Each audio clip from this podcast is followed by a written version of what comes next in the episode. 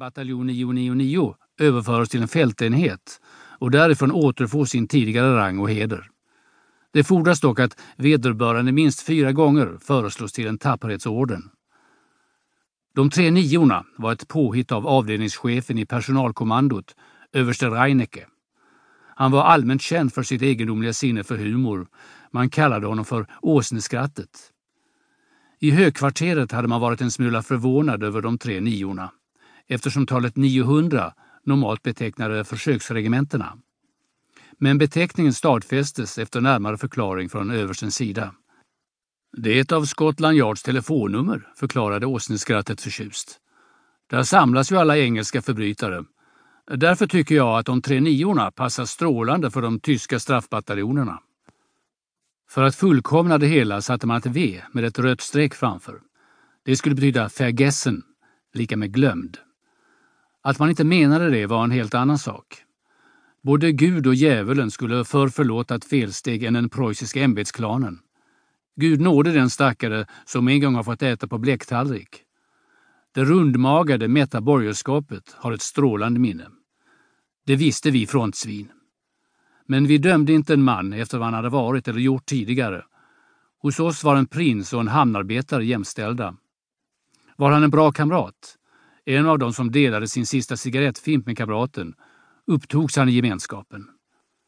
Men hörde han till dem som skyfflade i sig gåvopaketet hemifrån i mörkret inne på dass utan att dela med sig till någon, så var det klippt. I det militära kan man inte leva ensam. Där gäller lagen om kamratskap mer än någon annanstans. Militärstrafflägret Sennelager ett stönande och pustande lokomotiv växlar omkring med en rad godsvagnar av gammaldags typ. Passagerare som väntar på perrongen tittar nyfiket efter det skramlande tågsättet. I bromskupéerna lurar tungt beväpnade fältgendarmer med glänsande huvudjägarbrickor på bröstet. Vi sitter på en lastramp och spelar tärning med några franska och engelska krigsfångar. Stabsgefreiter Porta och en stabssergeant från ett skotskt gardesregemente har gjort oss nästan alldeles panka. Lillebror och Gregor Martin är ju uppseendeväckande sura. De har redan spelat på kredit i en timme och har måste skriva under fyra skuldsedlar till skotten. Kompanichefen, löjtnant Löve, avbryter hänsynslöst tärningsspelet. Uppställning, befaller han kort, men tempo, mina herrar! Han måtte vara skitfull, knotar Porta förargad. Man kan väl inte sådär utan vidare tränga sig in på ett privat spelkasino? Privatlivet borde vara okränkbart. Håll mun, Porta, fräser Löv irriterad. Jag är snart trött på er eviga kverulans. Ja, löjtnant, galer Porta idiotiskt och gör honör i sittande ställning. Rapporterar för löjtnanten att Stabsgefreiter Porta har förstått. Löjtnanten är trött på mig. Rapporterar för löjtnanten att jag är trött jag också. Anhåller underdånigast om avsked med avskedsersättning, men i kontanter om jag får be. Min tilltro till Adolfs riksbank är rubbad.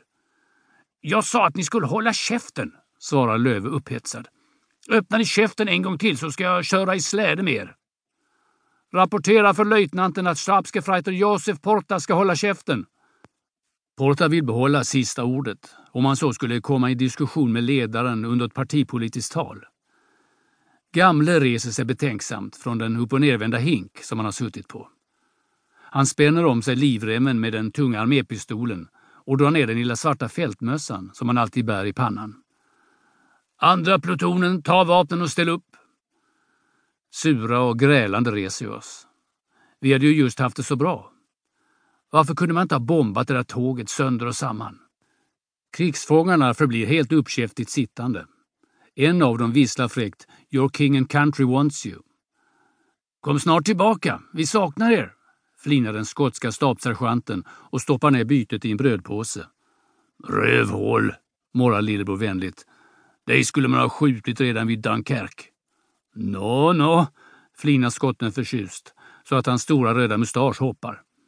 Men det kan nog hända att vi blir skjutna båda två innan kriget är slut, så att vi kan fortsätta spela tärning i paradiset.